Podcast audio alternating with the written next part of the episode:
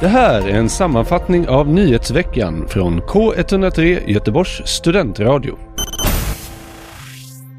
Senaste nytt om Västtrafiks kontrollanter. Snart säger de hejdå till de vita kepsarna. Nu under mars månad kommer allt färre vita kepsar kunna skymtas på Göteborgs spårvagnar och bussar och istället kommer klarblåa jackor med mörkblå kepsar att pryda kontrollanterna.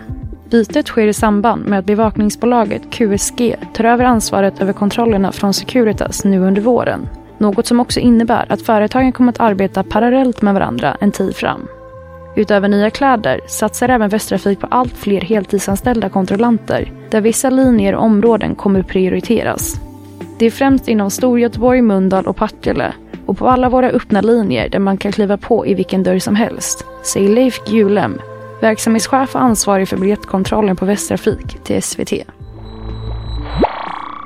Programmet för årets upplaga av Vetenskapsfestivalen har släppts.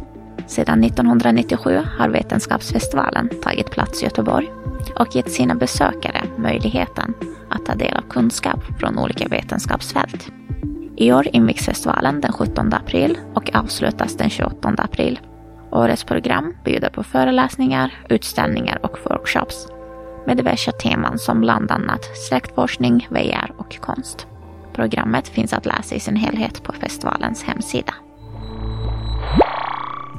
Sedan 2018 har byggnationen av Västlänken, en järnvägsförbindelse under centrala Göteborg, påbörjats. Tanken är att det kommer finnas tre nya underjordiska stationer som är Station Centralen, Station Haga och Station Korsvägen. Ännu har inte ens hälften av projektet blivit klart kostnaderna har bara fortsatt att stiga. Bo Larsson som är projektchef för Västlänken har bekräftat att fakturorna som de har fått för Korsvägen ligger på 5,8 miljoner kronor. Dock vill han även förtydliga att detta ligger inom ett riktpris. Om det överstiger det kommer Trafikverket bara betala för 80 procent av kostnaderna. Vad händer i Göteborgs studentvärld? Den 10 mars arrangeras Kulturarvsdagen på Göteborgs universitet. Årets tema blir krig och kulturarv.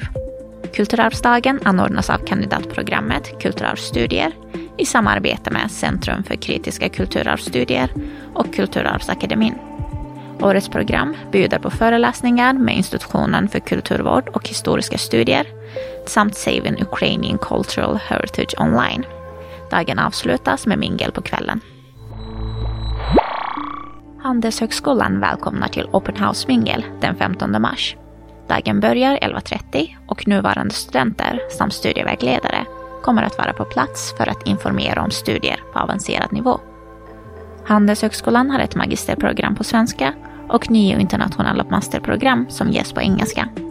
Fristående kurser på avancerad nivå finns också att söka. Den 15 mars börjar ansökningsperioden. Har du tänkt att studera något nu i sommar? Fram till den 15 mars har du fortfarande möjlighet att anmäla dig till sommarens kurser. Alla utbildningar och mer information om viktiga datum hittar du på antagning.se.